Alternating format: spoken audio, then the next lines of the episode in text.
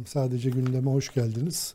Bu hafta maalesef ve belki önümüzdeki uzun bir süre boyunca konuşacak başka bir şey yok depremden başka. Maalesef pazartesi sabahı hepimiz çok kötü bir güne uyandık. Saat 04.17'de Kahramanmaraş'ın Pazarcık ilçesi yakınlarında merkezi olan 7.7 büyüklüğünde bir depremle sarsıldı Türkiye. Ee, hemen arkasından 10 dakika sonra Yine Kahramanmaraş Gaziantep arası ama il sınırı olarak Gaziantep'te kalan iki ayrı deprem daha yaşandı. Çok büyük artçılardı bunlar. Biri 6.4, biri 6.6 idi. Ertesi gün öğlen saatlerinde yine devasa bir artık bağımsız deprem mi artçı mı ne olduğu deprem uzmanları arasında bile tartışılan 7.6'lık bir büyük bir büyük sarsıntı daha oldu. Ayrıca da yani normal şartlarda deprem kabul edilen e, ve haberi yapılan büyüklükte yani 5 beş, 5'in üstünde büyüklükte 200'den fazla sarsıntı oldu o günden o andan beri. E, çok büyük bir e, felaketle karşı karşıyayız. E, felaketin boyutları siz, siz de zaten sosyal medyadan, televizyondan, gazetelerden izliyorsunuzdur. E, devasa boyutlarda. E, 8 bine yakın bina yıkılmış durumda. E, ee, 110 bin kilometre karelik bir alana yayılıyor. Türkiye'de 10 şehri derinden etkiledi. Suriye'de 4 şehri derinden etkiledi. Suriye'de şimdiden 2000'e yakın ölü sayıldı. Ee, Türkiye'de de ölü sayısı maalesef her dakika biraz daha artıyor. Rakam vermek çok anlamlı değil ama e, yavaş yavaş üç haneli rakamlara doğru ilerliyoruz maalesef. E, enkaz kaldırma çalışmaları e, daha doğrusu arama kurtarma çalışmaları enkazın altında hala devam ediyor. 70 saate 72 saate doğru yaklaşıyoruz. E, tabii giderek ümitler azalıyor ama enkazların altında da çok sayıda ses geldiğine dair de sosyal medyada çok sayıda bilgi var. E, her enkazda ilk 36 saatinde e, açıkçası profesyonel enkaz kaldırma e, ekiplerini pek göremedik. Vatandaş kendi kendine e, bir şeyler yapmaya çalıştı. 36. saatten sonra yavaş yavaş gelmeye başladı. Dün akşam itibariyle zannediyorum bu sorun artık aşıldı. Tamamen aşılmasına imkan yok tabi. 8 bin tane binadan söz ediyoruz. Yine de bazı binalar geride kaldı maalesef. Çok sayıda insanın enkaz altında donarak öldüğüne dair de çok üzücü bilgiler var. E, durum bu. Bilmiyorum birazcık deprem konuşalım istiyoruz. Tabii, tabii yani konuşacak başka konu zaten yok. yok. Deprem e, bu bu yani Türkiye e, tarihinin büyük afetlerinden bir tanesi evet. olduğuna şüphe yok. Bunu hem e, gözlerimizle görüyoruz, hem yaşananlarla hissediyoruz, hem e, bilgilerle e, teyit ediyoruz. Hatta son 20 yılın en büyük dünyadaki 2-3 e, sarsıntısından, felaketinden. Evet, Cumhuriyet biri. tarihinde de 1939 Erzincan depremiyle Erzincan yani Marmara sonra, depremini geride bırakan e, bir büyüklükten, evet, çaptan evet. söz ediyoruz. Yani Erzincan depremi dün Celal e, Celal Hoca söylüyordu. Tam o zaman rakamlar net ölçülemiyor ama 8 7.9 e, civarında bir deprem olduğu varsayılıyor. Neyse yani şunu tabii ıı, söylemek lazım. Bir kere e, bahtsız bir ülke burası bu açıdan. Yani biz e, bir politik depresyon yaşarken, bir ekonomik depresyon yaşarken bir de üstüne bu tür bir hadiseyle karşılaştık. Bunlar da işte sık sık oluyor. Bundan sonra da olacak. Bulunduğumuz yer kavuğunun e, oynak yerlerinden bir tanesi levhaların birleştiği e, noktalardan bir tanesi. E, tabii burada iki tane büyük şey var. E, açıkçası ben önce duygularımdan bahsedeyim. E, tepki mi vermeliyim? Üzülüyorum tabii çok. Parçalanıyor insan seyrederken. E, kızmalı mıyım? Yoksa bir yerde de olanın e, büyüklüğünü, doğal afetin büyüklüğü karşısındaki insanın, tekniklerin, sistemlerin aciz halini mi düşünmeliyim? Tabii ikisi bir arada. İkisini birbirinden koparamıyoruz. Koparmamak gerektiğini düşünüyorum. Hakikaten bir kış gecesi oldu. Sabaha karşı oldu. Bunlar da e, en azından Zam- deprem zam- kadar Zamanını siz seçemiyorsunuz işte seçemiyorsunuz. yani. İşte bunlar da ek faktörler. Yani insanlar evlerinde uyumadıkları bir saatte olsaydı muhtemelen Çok daha az can Ee, kaybı daha olurdu az can kaybı olurdu. Soğuk e, sonrası ben benim yakınlarım Antakya'da teyzem, yeğenlerim, e, onun çocukları Antakya'daydı. Dolayısıyla onlara ulaşmakta epey bir zorluk çektik. Ulaştık şükür İyiler mi? hayattalar, iyiler ama e, yani gerek onların yaşadıkları gerek bizim yaşadıklarımız bir de bireysel olarak yaşanıyor bunlar. E, geçirdikleri geceler e, soğuk, e, kabus bir durum e, var karşımızda. E, dolayısıyla hakikaten bir yerde hemen ilk insanın ağzına gelecek şey nedir? Tedbirler niye yok? O gece e, niye kimse doğru dürüst yardım götüremedi? Mesela Hatay Belediye Başkanı o gece zannederim 100, 1200 binanın yıkıldığını, bütün hastanelerin çöktüğünü, doktorların yaralı olduğunu, uh, iç makinelerinin olmadığını, e, bir sürü göçüğün öyle olduğu gibi kaldığını söylüyordu ve burada kimse yok diyordu. Bir tarafıyla öfkeleniyorsun. E, Diğer tarafıyla da e, yapacak da çok şey var mı? Çok geniş bir alan. Bu çok geniş alanda çok fazla yıkıntı var. E, Afat dediğiniz yapının 6 bin, 7 bin tane e, profesyonel elemanı var. Bunların o hava koşullarında bir yerden bir yere gitmeleri çok kolay değil. Karayolları tıkandı. Kahramanmaraş, Antep, Konya, Bolu etrafında. Hatay Havaalanı, Amikovası e, e, yumuşak bir zemindir zaten. Zemin çatladı, uçak inemez halde. Adana benzer bir durumda. Yani e, bir, e, bir atom bombaları yemiş 10 tane kent ve e, iletişimin koptuğu, elektriğin olmadığı, doğalgazın olmadığı, ulaşımın çok zor olduğu bir yer. Tabii burada ilk tepkiyle, öfkeyle e, verilen reaksiyonları birazcık ben fazla buluyorum. Belki de bu sefer tepkim, Ben ruh, şimdi ruh biraz, halim biraz, öyle. biraz reaksiyon vereceğim Ver sana. ver ben vermiyor değilim. Ben önce bu tarafıyla başlayayım istiyorum. Çünkü e, yani asker niye yok? Antakya'ya e, yardım gitmedi. Acaba onlar Alevi diye mi yapılmıyor gibi çok da manalı olmayan e, bir kısmı manasız doğru. e, yani afetin büyüklüğü ve çapıyla uyumlu olmayan bir dizi fikir ileri sürülüyor. Ya da yine olağanüstü hal mesela konuşalım biraz sonra. İlan edilirse şöyle mi olur böyle mi olur gibi. Çok da ipe sapa gelmeyen tartışmalar yapılıyor. E, şunu söylemek lazım büyük bir afet bu. E, insanları sistemi e, zorda bırakan bir afet. Türk siyasal, ekonomik, sosyal sistemi zaten tedbir almayı bilmeyen, bunu çok önemsemeyen bir sistemdir. Dolayısıyla bizi daha çok zor durumda bıraktı. Biz diyorum bunun içinde hükümeti de var. Bunun içinde e, basını da var. Bunun içinde neyse e, tüm diğer aktörleri de var. E, tek tek bizler varız. Çocuk evlerde oturmaya devam ediyoruz. E, soruları az soruyoruz vesaire. Yani böyle bir e, silsile karşısındayız. E, tabii çok ağır bedelleri olacak. E, bir kere insani bedeli çok ağır. Ekonomik bedelinin çok ağır olacağını söylüyor ekonomistler haklı olarak. Türk ekonomisinin kabaca %10'unu temsil ediyor E, aslında. az bir rakam değil. şey değil Zaten yani. büyük bir kriz içerisindeyiz.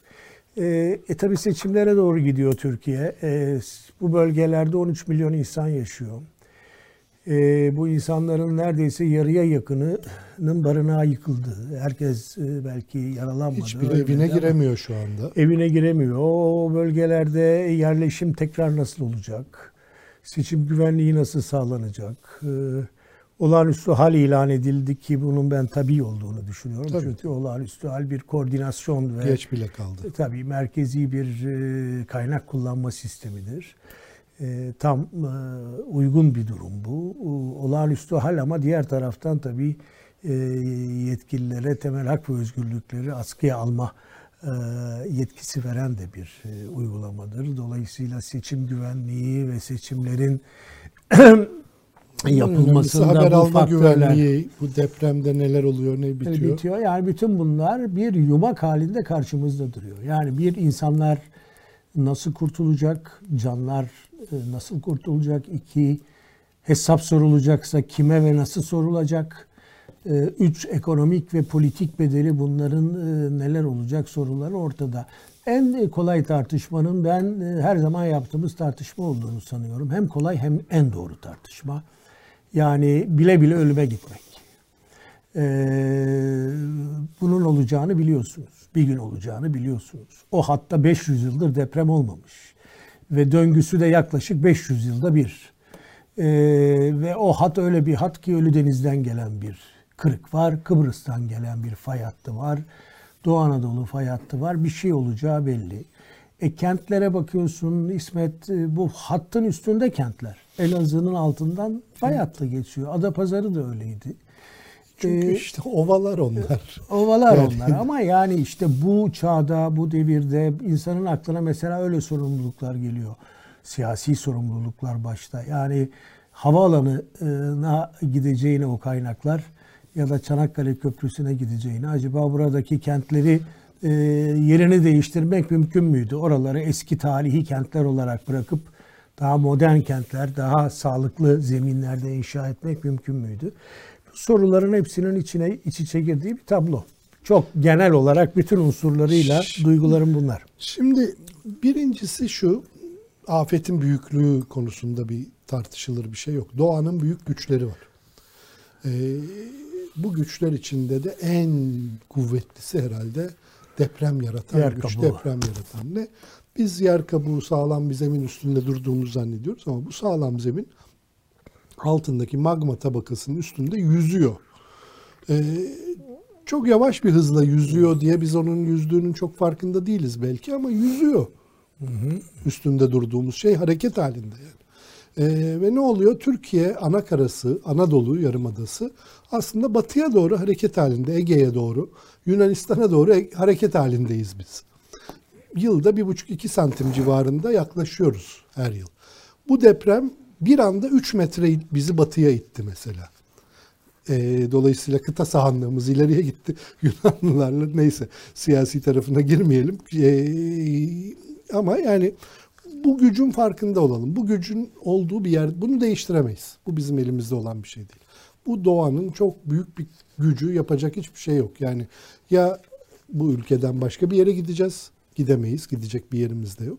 O zaman bununla birlikte yaşamayı öğreneceğiz. Depremle birlikte yaşamayı öğrenmek herhalde son 24 saattir, 24 yıldır en çok duyduğumuz cümlelerden bir tanesi. 99 depremiyle birlikte başka türlü bir aydınlanma yaşandığını düşündük Türkiye'de. Depreme karşı en azından. Çünkü önden önce de deprem olurdu. Benim çocukluğumda da depremler olur dururdu. Yıkıcı depremler de olurdu. Ama 99 depremi çok aydınlatıcı bir fırsat. Neden öyleydi? Çünkü çok büyük bir nüfus merkezini vurdu 99 deprem. Şimdi bakıyoruz bugün depremin olduğu yere 99'dan bugüne nüfusu tam ikiye katlanmış. Bu bölgedeki 10 şehrin toplam nüfusu tam ikiye katlanmış. Üstüne bir de göçmenler çünkü habire işte enkaz altından Suriyeliler çıkıyor. Çok sayıda ölen Suriyeli var filan. Göçmenleri de eklediğinizde yani 13-14 milyonu 15 küsür milyona tamamlamak lazım bu bölgede yaşayan insan diye. Ciddi miktarda insan yaşıyor burada. Bu demek ki yani burası böyle taşrada az insan yaşayan bir alan değil. Çok kalabalık bir alandan söz ediyoruz aslında kendisine göre. Çünkü önemli şehirler var, önemli sanayi merkezleri var. Kahramanmaraş Türkiye'nin önemli bir sanayi merkezi. Gaziantep önemli bir sanayi merkezi. Osmaniye, Adana Türkiye'nin çok önemli sanayi merkezleri. Aynı çok, zamanda tarım, tarım merkezleri. E, Hatay öyle Hatay. E, hem bir Özellikle kalan, Antep, evet. Maraş, Adana evet. e, en kritik evet. yerler. Şimdi dolayısıyla yani buradaki nüfusu da küçük görmemek lazım. Şimdi biz e, ne yapıyoruz? E, doğanın bu gücüne karşı ne yapabiliriz daha doğrusu? Bunun farkında değiliz. Dün sabah, pazartesi sabahı ansızın öğrenmedik. Aa burada deprem de oluyormuş diye bir şey. Bunu biliyoruz. Ne yapabiliriz? İki tane yol var önümüzde. Ve ikisini aynı anda kullanmamız gereken yol. Bir tanesi bir kere binalarımızın güvenliğini arttıracağız. Japonya'da çok ciddi bir deprem hattının üzerinde. Japonya'da 7.8 şiddetinde deprem olduğunda bazen bir kişi iki kişi ölüyor. Bazen hiç kimseye hiçbir Evet. şey olmuyor. Onların da çok acı ve çok kanlı bir tarihleri var deprem konusunda. Ama bu konuyu çözmeyi başarmışlar. Bilim diye bir şey var. Bilime güveneceksiniz, inanacaksınız ve bilimle hareket edeceksiniz. İkinci yapacağınız şey binalarınızı düzgün yapacaksınız. İkinci yapacağınız şey de afet yönetimi nasıl olmalı konusunu çalışacaksınız. Tatbikatlar yapacaksınız sık sık. Bu tatbikatlar göstermek, ah deprem oldu, sallandık, nasıl oldu tatbikatları değil. Deprem oldu, en kötü durum senaryosunda yollar kapandı, ben yolları nasıl açacağım? Ya da yolların kapanmasını nasıl önleyeceğimin tatbikatını yapacaksınız.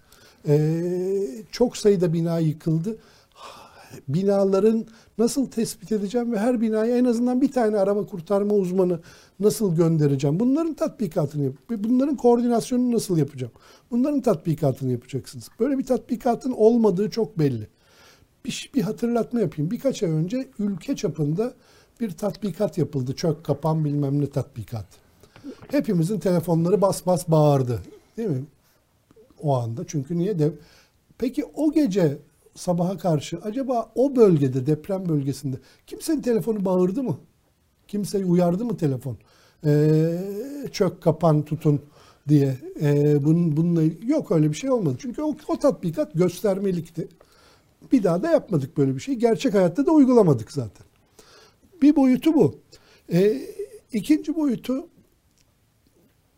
çok verili sistemle düşünüyoruz. Şimdi bir memleket büyüklüğünde bir alanda deprem yaşandı ve biz bunu tek bir merkezden yöneteceğimizi düşünüyoruz. Çünkü öyle alıştık. Bir tane cumhurbaşkanımız var, her şeye mukadder filan. Tek bir merkezden, e canım işte merkez. Niye? 10 ayrı il var. 10 ayrı ülke var belki. Her birinde ayrı ayrı koordinatörler olabilir. Bir tane de tepede hepsini koordine eden birisi olabilir. Bu yönetim sistemlerini niye düşünmüyoruz hiç? Bugün mesela bilgi var. E, Hatay'da işte eski futbolcu Hatay Spor'un da yardımcı antrenörü Gökhan Zan feryat figan ağlıyor. Diyor ki orada diyor iş makineleri var. Burada da diyor enkaz var. İstiyoruz ki gelsin şunun şu kenardaki molozları hiç değilse kaldırsın ki biz alta erişmeye çalışalım. Gittim diyor şoförleriyle konuştum diyor. Evet, Diyorlar ki e, AFAD'dan talimat gelmeden yapamayız. AFAD'da talimat nereden geliyor? Ta Ankara'dan geliyor. Hatay'ın bir mahallesindeki bir binadan söz ediyoruz ya. Bir dakika yani bir tane yerelde inisiyatif kullanabilecek insan yok. Şimdi Aslında, depremi e, kim yönet? Şimdi bu aynı şey bize orman yangınlarında başımızdan geçti. Bu bakın bu küçümsenmemesi gereken bir konu. Kim yönetiyor depremi? Fuat Oktay Ankara'dan mı yönetiyor?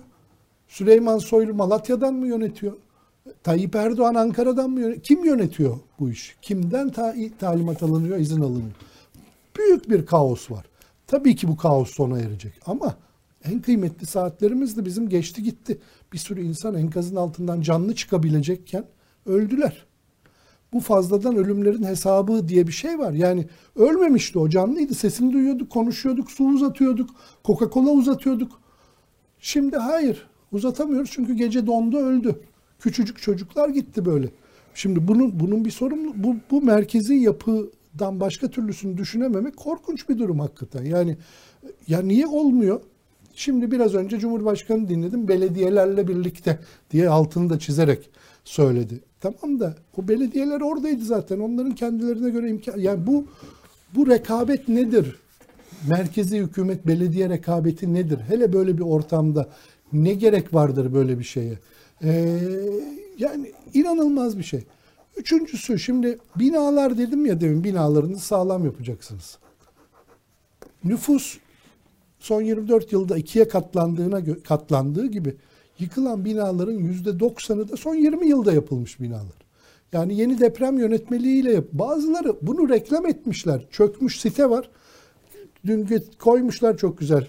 Nasıl pazarlandığının re- depreme dayanıklı evler diye. Çek, site yok ortada bugün. Halbuki reklamı böyle yapılmış. Depreme dayanıklı diye satılmış. Şimdi bu bunun denetimini kim yaptı? İşte Adıyaman Belediyesi'nin fotoğrafı vardı. Belediye yassı kadayıf gibi bum diye inmiş aşağı. Bir tek tabelası kalmış yukarıda. Bu yani bu fotoğraftır zaten bu depremin fotoğrafı. Yani o inşaatları denemlemekle görevli kurum Adıyaman Belediyesi, Adıyaman'daki inşaatları. Kendisi çökmüşken yani kelin ilacı olsa kendi başına sürermiş misal yani kendisi çökmüşken başkaları nasıl denetlemiş olacağını bekleyebiliriz ki? İnanılmaz şeyler bunlar. Bu, bu, bu ihmaller dizisini es mi geçeceğiz? Yani Allah yaptı. Olur mu? Allah yapıyor tabii. Yaptı evet.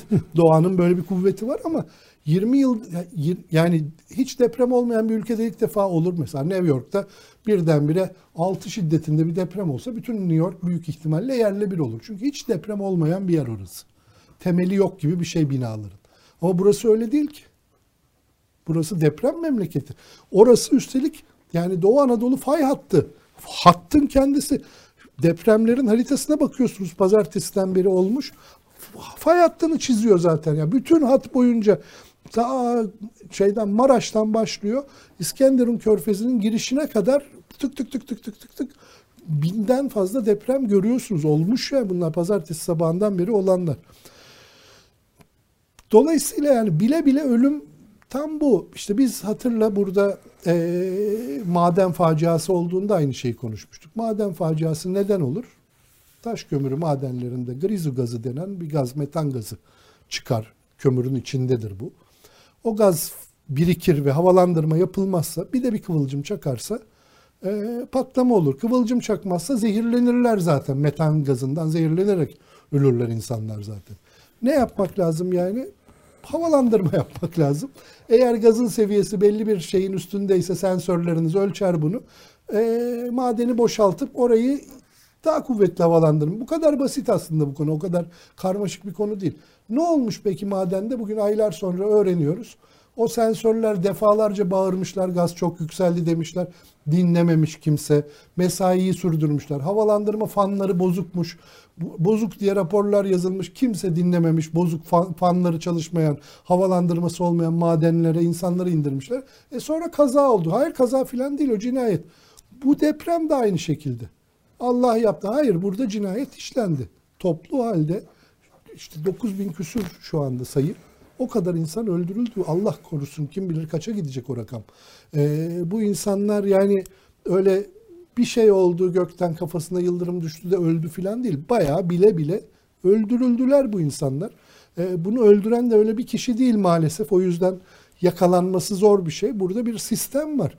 Bilim dışılık var. Bilimi tanımamak var. Çalışmamak, hazırlanmamak var. Ee, yani işte trafik tıkandı diyoruz. Bu bir kader midir kardeşim depremden sonra trafiğin tıkanması? Trafiğin tıkanacağını önceden düşünürsünüz. Tatbikatınızda bunu yapmışsınızdır. Tık diye trafiği açık tutarsınız yardım araçları ve bilmem neler için. Evet vatandaş da kaçmak ister onlara da bir yol bırakın ama yolun bir şeridini kendinize ayırırsınız. E, acil durumlarda kullanmak üzere diye. O şeride de kimseyi sokmazsınız. Olur biter bu mesele. Bu o kadar da zor bir şey değil. Cumhurbaşkanı geldiğinde her yolu kesmeyi biliyorlar. Deprem olduğunda da kesiverirler o yolları. Hiçbir şey olmaz yani. Çok zor bir şey değil. Polisin en kolay becerdiği işlerden biri. Dolayısıyla bunlar yani yeter ki bu konuda hazırlığınız olsun. Kim ne yapacağını bilsin. Deprem oldu. Ee, ha ben emniyet müdürüyüm. Benim işim şu. Tık tık tık tık şimdi şunları yapacağım. Çünkü daha önce tatbikatını yaptınız bunu. E, ben valiyim şunları şunları yapacağım. Ben hastanede e, başhekimim şunları şunları yapacağım. Herkesin işi bellidir. Yaparlar olur biter. Bilim böyle bir şeydir. Çalışkanlık böyle bir şeydir. Yani bu sabah deprem oldu ve ilk defa bununla uyanıyor değiliz. Bunları bildiğimiz şeyler bizim. Çok konuştum. Kusura çok bakma. öfkeli konuştun. Evet, çok öfkeliyim konuştun. çünkü. Evet. Haklısın İsmet tabii. Ee, e, yani bu öfkede sen gazetecisin. Ben de öyle. E, işlerinden bir tanesi de temsili olarak da konuşmak.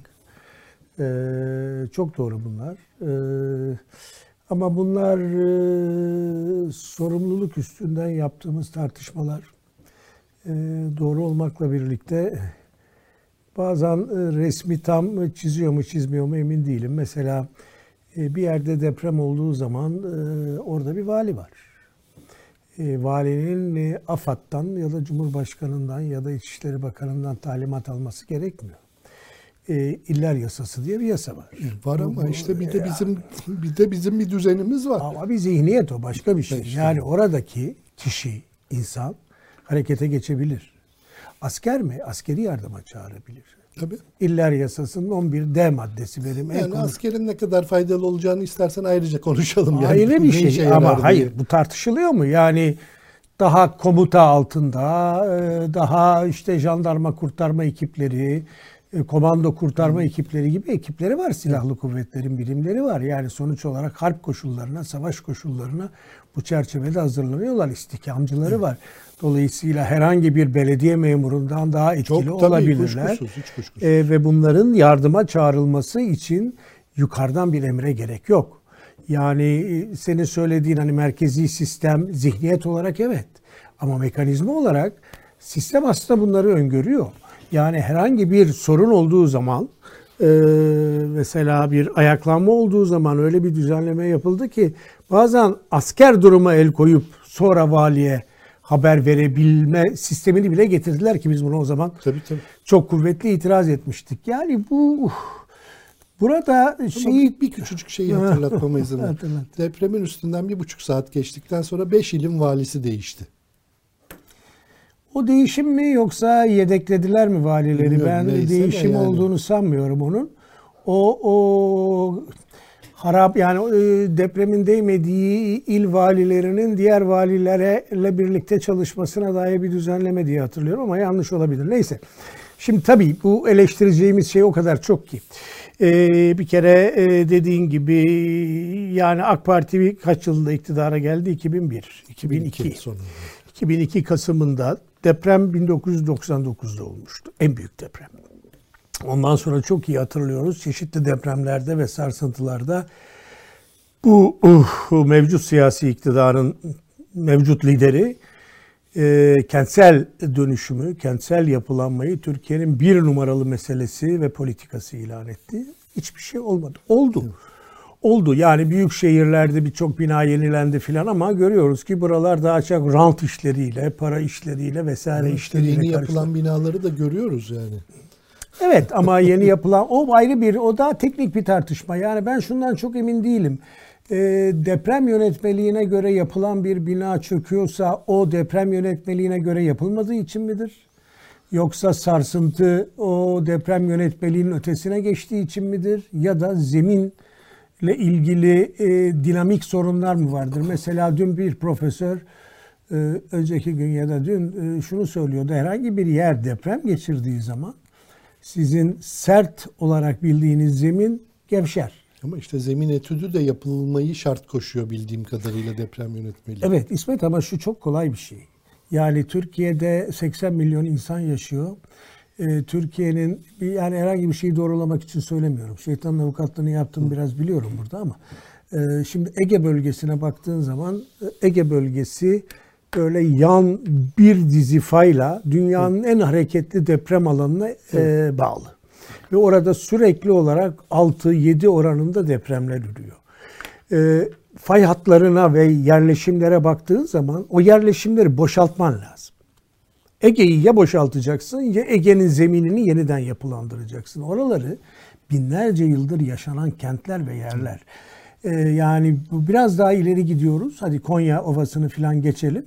İşte Doğu Anadolu hattı Elazığ, Antep, Maraş, Adana, Ceyhan, İskenderun, Hatay bütün buralar fay hatları üstünde ya da fay hattının biraz Ama civarında. İşte büyük şehri kaçın dağın yamacına kuramıyorsun Evet, hayır, büyük şehri. yani ülken ülkenin bir şeyi var. Burası Japonya olsa bunları halledeceğiz de işte değil. Yani e, niye halletmiyoruz diye sormak doğru e, ama eksik. Çünkü e, buradaki zihniyet buna uygun değil. Buradaki siyasal sistemin mobilize olma şartları buna uygun değil. Bakın bu depremi konuşacağız. Yaralar sarılacak. Ee, Birkaç sene sonra birkaç palyatif tedbir Tabii, alınacak. tabii, aynı şey olacak. Ondan sonra yeni bir deprem olana kadar. Böyle işte Nietzsche'nin söylediği Ee, böyle, return. böyle yaşanacak. Şimdi ben işin çapı, büyüklüğünü dikkate aldığımız zaman hakikaten bu büyük bir seferberlik meselesi.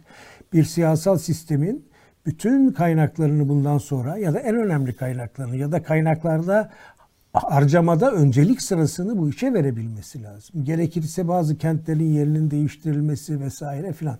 E, e, şeyden hatta baktığın zaman işte e, Kocaeli'de iki ucu ayrılan Kuzey Anadolu fay hattına baktığın zaman korkunç bir ülkede yaşıyorsun. Korkunç bir zemin burası.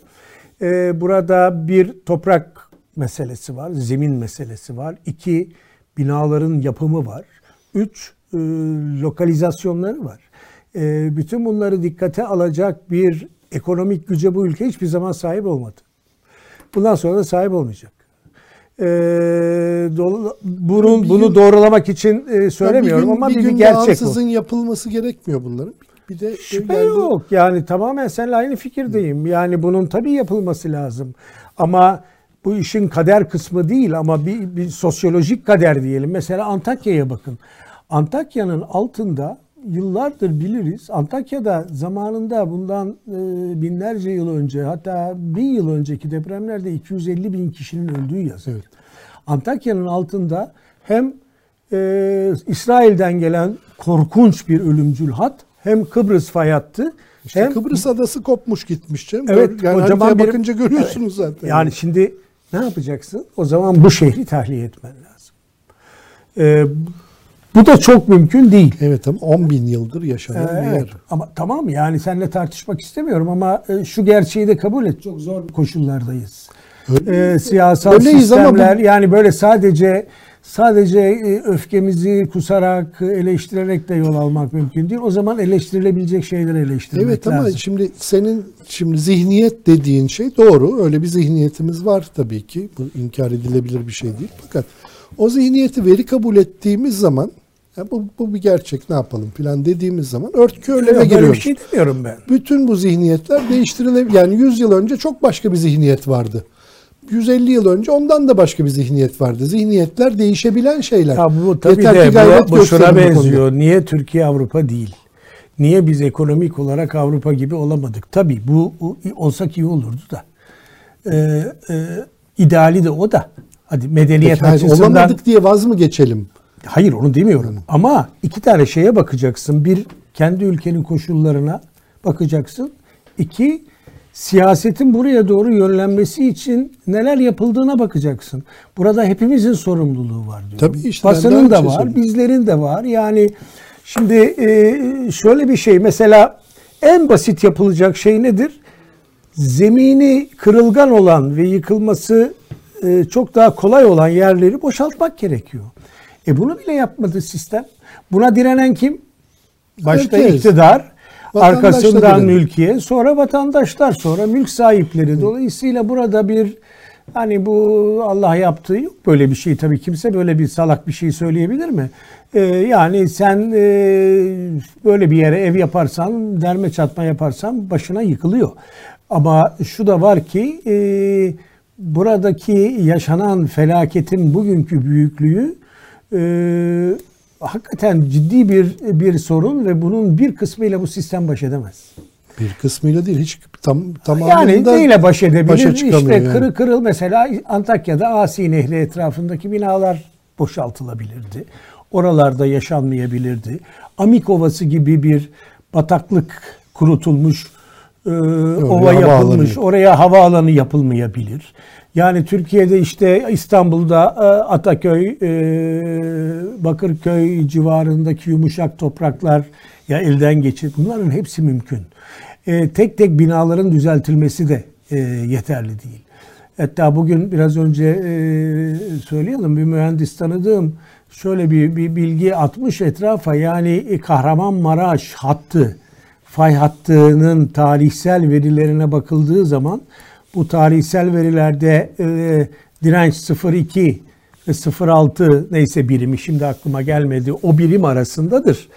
E, dolayısıyla buna uygun bina yapılırsa o binalar dayanır diye bir varsayım var ama bu son deprem o limitleri aşmış durumda. Yani bütün bunları da dikkate alarak e, hareket etmek lazım. Ben şeyi de e, anlamakta zorluk çekiyorum. Yani onun için onları biraz dindirmek lazım. E, böyle çok ben biliyorsun böyle milliyetçi bütünlükçü duygularım çok kuvvetli değildir ama böyle afet zamanlarında e, biraz daha bütünleşme, yardımlaşma fikrinin öne çıkarılması lazım. Bu var Mesela- zaten. Bu var zaten. çok yani yok. Çok yok. Tek tek şeyde var İsmet. Yani insanlar yardıma koşuyorlar filan onları söylüyorsan o, o tabii var. Ama Önemli olan enformasyon, fikir, e, düşünce ve bunların sirkülasyonunda. Şimdi böyle durumlarda insanların canı yandığı zaman öfkeyle e, hedef ararlar, hınç ararlar, e, intikam ararlar. Bunları tabii çok tabii şeyler. Bunlara söylenecek bir şey yok ama diğer taraftan şu anda kenetlenme diye bir laf ediliyor. Çok yanlış bir laf değil o. Yani nasıl olağanüstü hal bütün kaynakları tek elde toplayacaksa siyasetin de başka alanların da eleştiri dozunu tahrip edici bir hale getirmemesi gerekiyor. Hakikaten büyük bir afet bu. Evet ama doğru söylüyorsun. Yani doğru, ben doğru. biraz dediğim gibi şeytanın avukatlığını yapıyorum. Yani kimseyi savunmak istediğim yok ama şunu da görüyorum. Yani Antakya'yı ben çok iyi takip ettim. Biraz önce söylediğim nedenlerle. E, sabah dört buçukta deprem oluyor. Hastaneler yıkılıyor. Doktorlar ölüyor. Belediye çalışanları binaların altında mahsur kalıyorlar. Bir anda bin tane bina çökmüş durumda. Elektrikler kesiliyor. Yapacak hiçbir şey yok. Niye kimse bir şey yapmıyor? Nasıl yapılabilir? Yani bir de doğa koşulları diye bir şey var. Everest'te kaldığınız zaman teknoloji size yetmez onu oradan çıkarmaya. Ee, dolayısıyla Yo, yo, bunu- bunu- biraz gerçekçi olmak Hayır, lazım. burada burada bir itirazım yok tabii ki. Ama 36 saat geçti Samandağ'ına, efendim İskenderun'a, Antakya'ya eee, bir şey gitmesi için, profesyonel kurtarma Evet. ekibinin gitmesi için. 36 saat çok uzun bir süre. Çok katılıyorum Çok buna. uzun bir süre. Ama birçok yere böyle oldu. Şimdi e, yani bu burada bir hastalık bizim bu işi hakikaten merkezi merkezi bir yerden çözmeye çalışmamızdan kaynaklanıyor.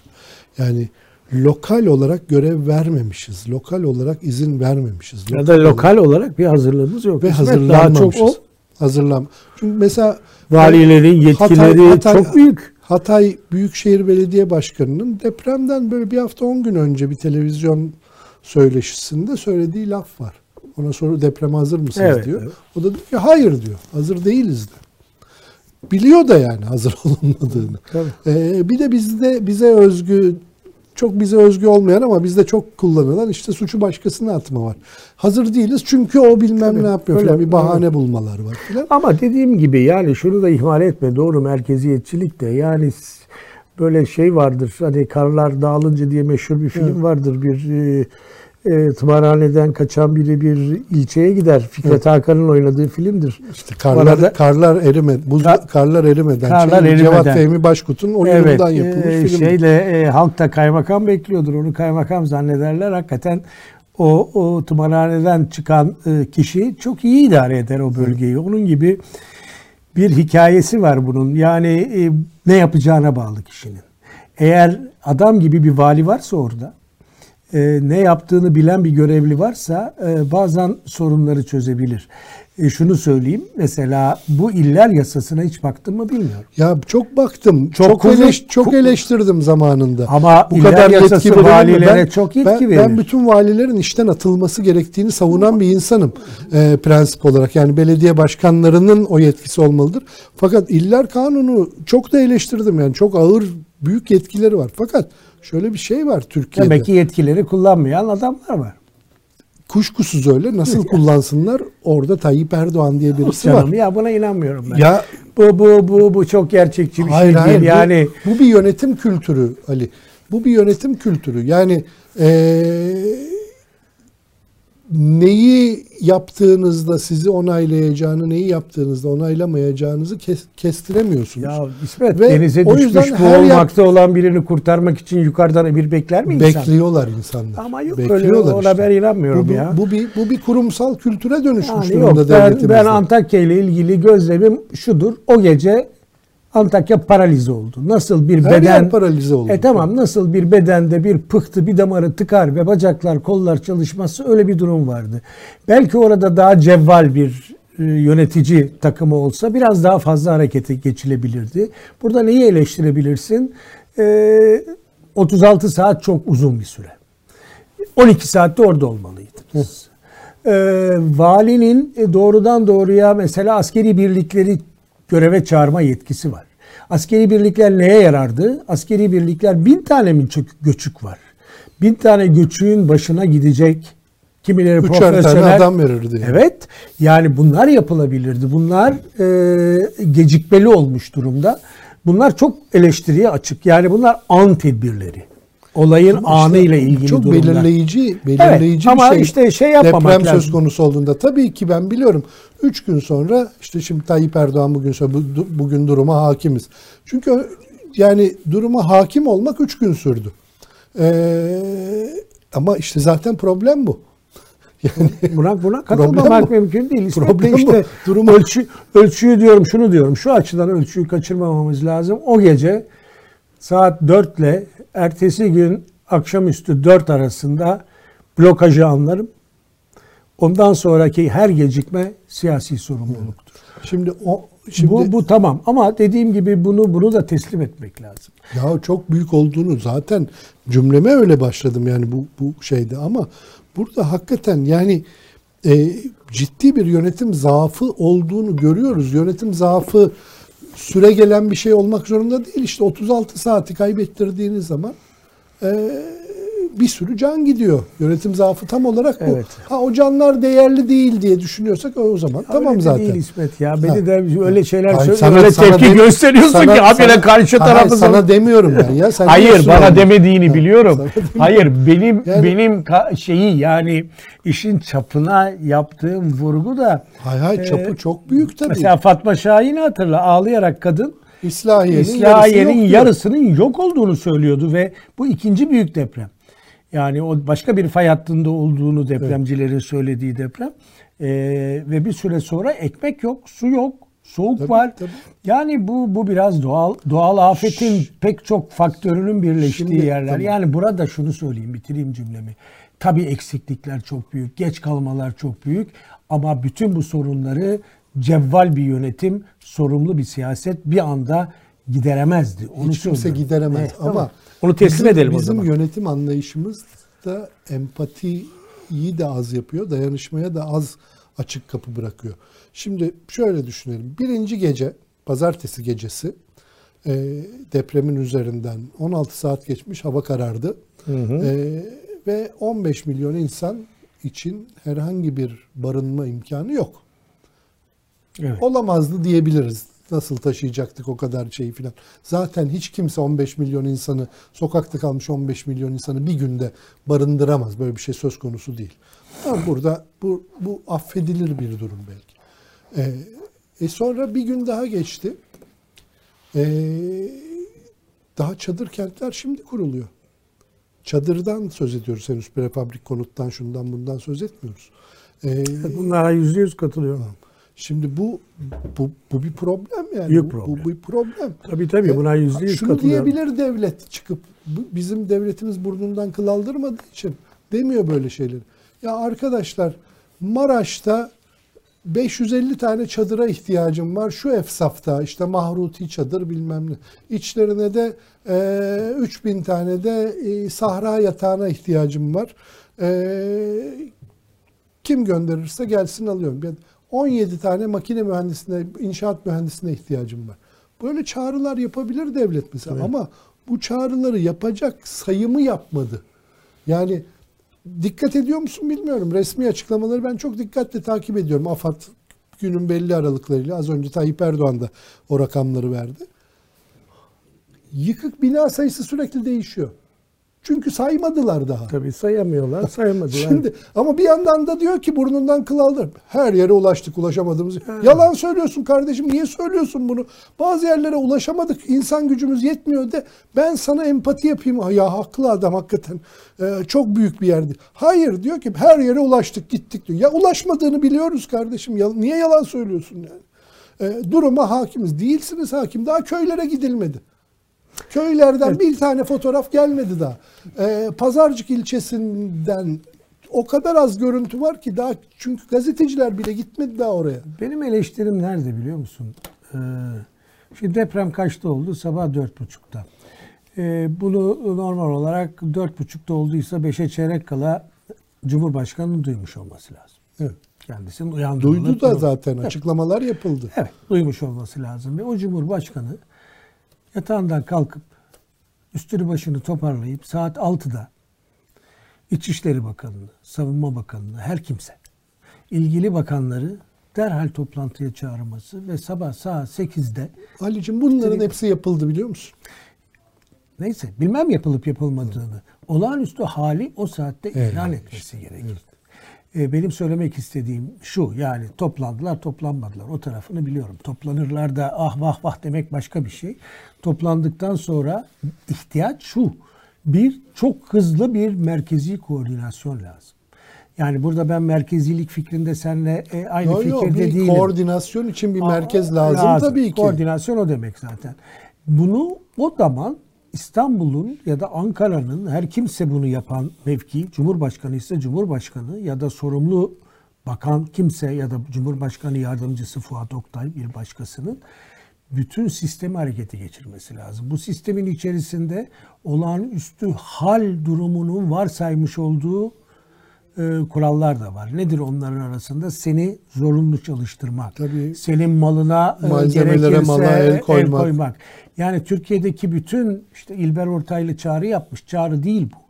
Yani o gün Ulaştırma Bakanlığı'nın bütün büyük müteahhitleri sabahın saat 8'inde ayağa kaldırması gerekiyor. Makine parkı. Yani sistemin reaksiyonu budur.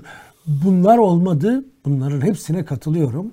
Ee, ama şu e, konudaki eleştirilerde biraz duraksıyorum. Ee, yani bunun olunacağı biliniyordu. Tedbir alınsaydı. Aynen. Evet doğru. Ee, bu- bunun da tersi söylenemez. Tabii alınsaydı bu kadar can gitmezdi. insan ölmezdi. Ama burada o zaman bir toplumsal vahim batağı görmezden gelemeyiz. Bu batağın hepimiz parçasıyız. Ee, bu biraz da bedel ödüyoruz yani bununla. Onu da onu da teslim Yok, etmek kuşku lazım. yok buna, kuşku yok buna. Yoksa e, bu gecikmeye ben de katılıyorum. Yani askeri birlikler mesela ben hakikaten o gece anlayamadım. Neden askeri birlikler e, Adana'ya, Antakya'ya, Kahramanmaraş'a en kısa yere emir komuta mekanizması altında yıkık bin tane bina varsa 10 tane asker her binanın başında hiç olmazsa o anda kurtarılabilecekleri kurtarmak için harekete geçmediler. E, Bunları anlamak çok zor. E, Tabii bunların arkasından şöyle tartışmalar oluyor. E, İnsanların korkuları var bu ülkede. Yaşanmışlıklar var. Mesela olağanüstü hal deyince akla hep olağanüstü hal yetkilerinin iktidarlar tarafından kötüye kullanılması geliyor. Aman olağanüstü hal olmasın. E, öyle değil. Çünkü olağanüstü hal doğal afetlerde bir koordinasyon ve hızlı e, karar sürecidir. E, mesela başka insanlar çok şaşırdım. Yani benim bunların içinde beni, bana telefon eden tanıdıklarım da oldu. Ya acaba Samandağ, Hatay'da Alevi bunlar diye ayrımcılık mı yapılıyor? Şimdi ama bunları çok hafife alma çünkü bunlar Akla e, geliyor çünkü akla aksıyor geliyor ve işler. dolaşıyor. E, bunlar dolaştığı oranda da biz e, gerçeklerin dışında e, durmaya başlıyoruz. Öyle olunca da gazeteci ya da yorumcu kimse e, biraz daha aklı selim sahibi olarak hareket etmeli diye düşünüyorum. Tabii eleştirileri yapmalıyız. Ama e, uçuk, kaçık, ölçüsüz E, işte yerlerde filtreden geçirmeden her şeye değer lazım. Yani vermemek benim lazım. söylemek istediğim sadece sana itirazlarımın altında yatan şey şuydu. Çok büyük bir afet alanı, çok büyük bir afet. En iyi tedbirleri almış olsan da seni yıpratabilecek bir afet. Ee, afetin meydana geldiği saat ve meydana geldiği iklim koşulları ayrı bir doğal afet. Bütün bunlar birleştiği zaman bir de ağır hareket eden bir e, idari mekanizman olduğu zaman e, bunlar arka arkaya birleştiği zaman işte o ilk 24 saatin vahameti ortaya çıkıyor. Buna katılıyorum. Şimdi- yani ama bu diğerlerini de dikkate alalım. Sabah ya ben o saatlerde uyanık olduğum ve haberleri takip ettiğim için işim gereği e, pazartesi sabahı da dörtte kalktım. Ben işime başladım. Haberleri taramaya başladım. Bir müddet sonra deprem haberi düştü. Aa, deprem ve rakama baktım çok büyük. İlk gelen 7.4'tü depremin büyüklüğü diye. E, ve büyük- 7.4 de çok büyük bir deprem. Ulan dedim çok büyük bir deprem oldu. Derken tık haber geldi. İşte Cumhurbaşkanı bilgilendirildi depremden. Ee, Anadolu Ajansı aracılığıyla geliyor bu haberler. Arkadan Süleyman Soylu saat 6 değildi. Yani depremin üstünden bir buçuk saat geçmemişti. Süleyman Soylu İçişleri Bakanı olarak açıklama yaptı. Dedi ki biz dördüncü kademeye yükselttik alarm seviyesini. Bu uluslararası yardımı da içeren bir seviyedir dedi. Depremin üstünde burada buraya kadar mükemmel yürüyor işler.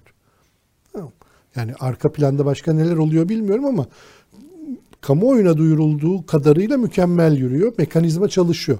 Fakat bu daha önce çalışılmadığı için senaryosu örneğin senin dediğin işte Ulaştırma Bakanı'na bilmem ne bakanına filan talimat veril yani onlar otomatik olarak devreye girip ee, kardeşim iş makinesi ihtiyacı olacak. Bütün iş makinelerini ayır, koy tırların üstüne yolla bu tarafa doğru yola çıkar. Bu talimatlar o saatte verilmiyor. Çünkü böyle bir şey çalışılmamış. Ee, işte illerin valileriyle eminim konuşuldu bu kararlar sırasında. Evet. Herkes dedi ki ya bizim şehirde sallandı, bizim şehirde sallandı. Çok yıkım var.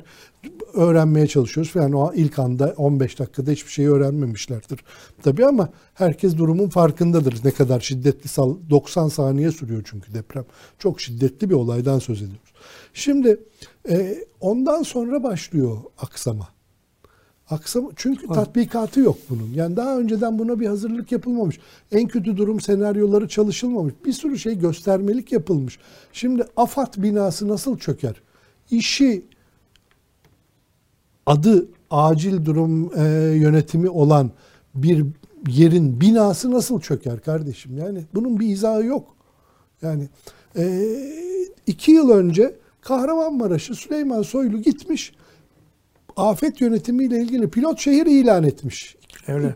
Ha, ne olmuş peki? Göstermelik çünkü hepsi. TOKİ gelecek işte konut yapacak filan. O kadar. AFAD gelecek karargah. Nerede Kahramanmaraş'ın AFAD'ı göremedik. Ee, bunlar çünkü böyle biraz laf olsun, torba da olsun babından işte göstermelik, güzel gösterişler yapıyoruz biz birkaç ay önce yaptığımız çök kapan e, tutun tatbikatı gibi göstermelik şeyler yapıyoruz ama gerçek hayata dair şeyler değil. Biz o tatbikatı niye yaptık? Öyle bir alarm gelirse telefonumuza irkilmeyelim, korkmayalım diye. Yani bu e, bize önceden duyuruldu. Şu tam şu saatte gelecek o alarm. Bakın bundan sonra gelebilir ama o gel binden sonra geldiğinde tatbikat değil o artık gerçek değil. Peki o gece geldi mi bu alarm? Hayır. Tabii. Yok, bunlara da bunlara yani tersini bu, söylemek bu böyle, mümkün değil tabii. Yani mış gibi yapmak bu da bizim bir zihniyetimiz ve bu zihniyeti ben eleştirmeden yapamıyorum. Peki şimdi şu şeye gelsek her ne kadar bugün e, programın sunuş patronu sen olsan da. E, yok sen söyleyeceksin. Olur mu canım burada eşit eşit. Eşitiz. Peki. Öyle patronluk yok. 14 Mayıs'ta seçimler öngörülüyor. Ne diyorsun? E şimdi tabii e, burada çok ekstra bir durum var. Evet.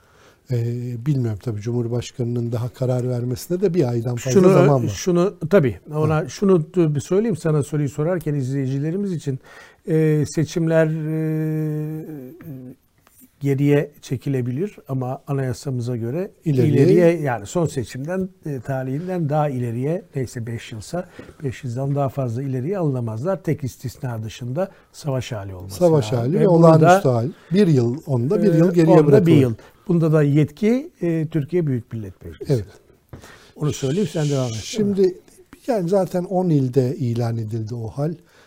10 e, ilde ilan edilen o hal seçimi ileri bıraktırmak için yeterli e, bir şey değil. Kaldık işte Türkiye yani bu Cumhuriyet tarihinde olmamış bir şey. Ben öyle bir ihtimal olacağını zannetmiyorum.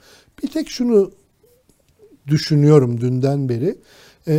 14 e, Mayıs değil de uyduruyorum şimdi 21 Mayıs'a 28 Mayıs yani biraz Cumhurbaşkanı kendi yetkisi dahilindeki şeyi birazcık öteli. En ucunda tabii 18 Haziran normal tarihi var seçimin. Ama şeyi ee, iptal etme e, yani meclisi feshetme tarihi. İşte, şimdi buna karar vermek için bir ayı var Cumhurbaşkanı'nın. Yani 10 Mart gibi e, meclisi fesih kararını yayınlaması lazım.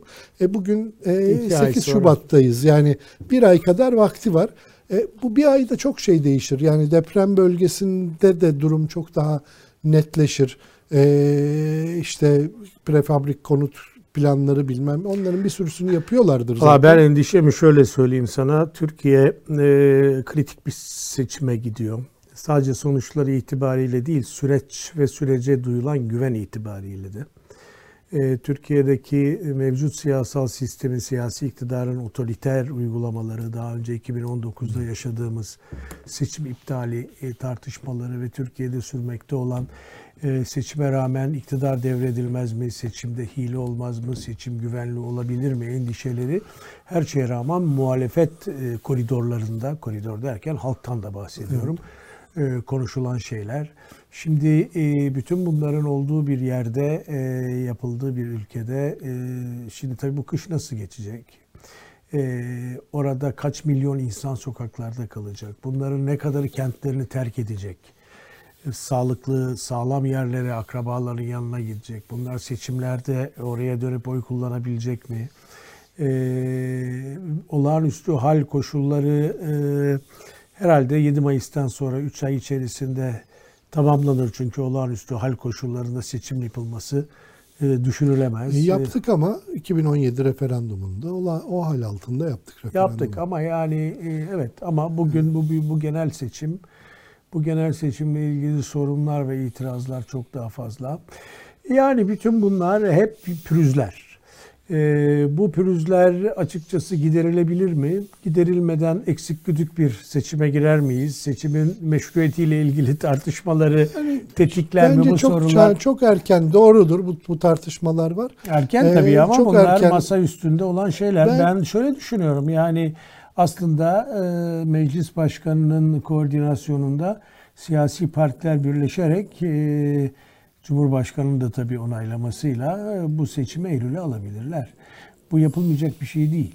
Ee, ve ben zannetmiyorum ki böyle bir şey gerçekleşsin. Ben yani. de sanmıyorum. Yani siyasi çıkarlar, beklentiler de buna uygun değil. Ama e, uygun zeminin ben bu olduğu kanaatindeyim. Kişisel olarak bugün itibariyle yarın bu fikrim değişir Türkiye, onu bilemem. Türkiye Kurtuluş Savaşı'nın ortasında seçim yapmış bir ülke olarak. Yani, yani bu tabii ortasında. bu güzel bir mitos. Yok yok.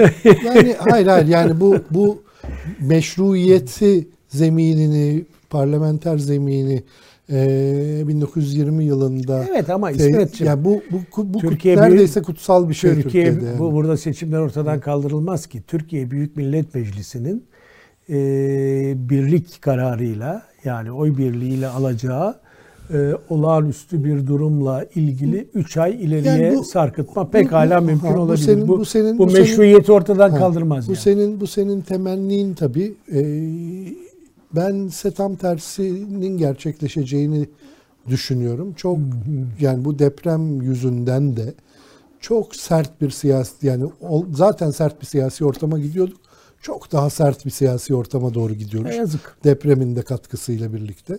Ee, yani ben dün Kemal Kılıçdaroğlu'nun dün gece yayınladığı video çok sert bir video.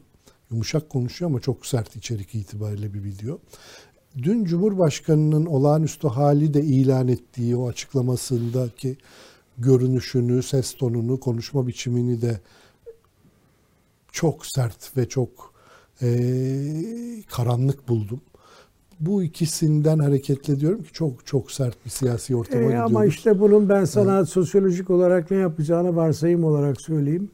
Bu depremin, e, afetin e, e, bireysel algı üstünden siyasi davranışlara dönmesine yol açmaz. Bu mevcut kutuplaşmayı daha da çok derinleştirir. Evet öyle olacak zaten. Ve tahrik eder. Yani öyle bu olacak herhalde. Faydalı Ama bir şey olmaz yani, E, burada şu anda hükümete karşı büyük bir öfke dalgası var. Hmm. Sadece deprem bölgesinde değil, Türkiye'nin dört bir yanında. Hükümet tabii o öfke dalgasını, bu öfke dalgası doğaldı birazcık.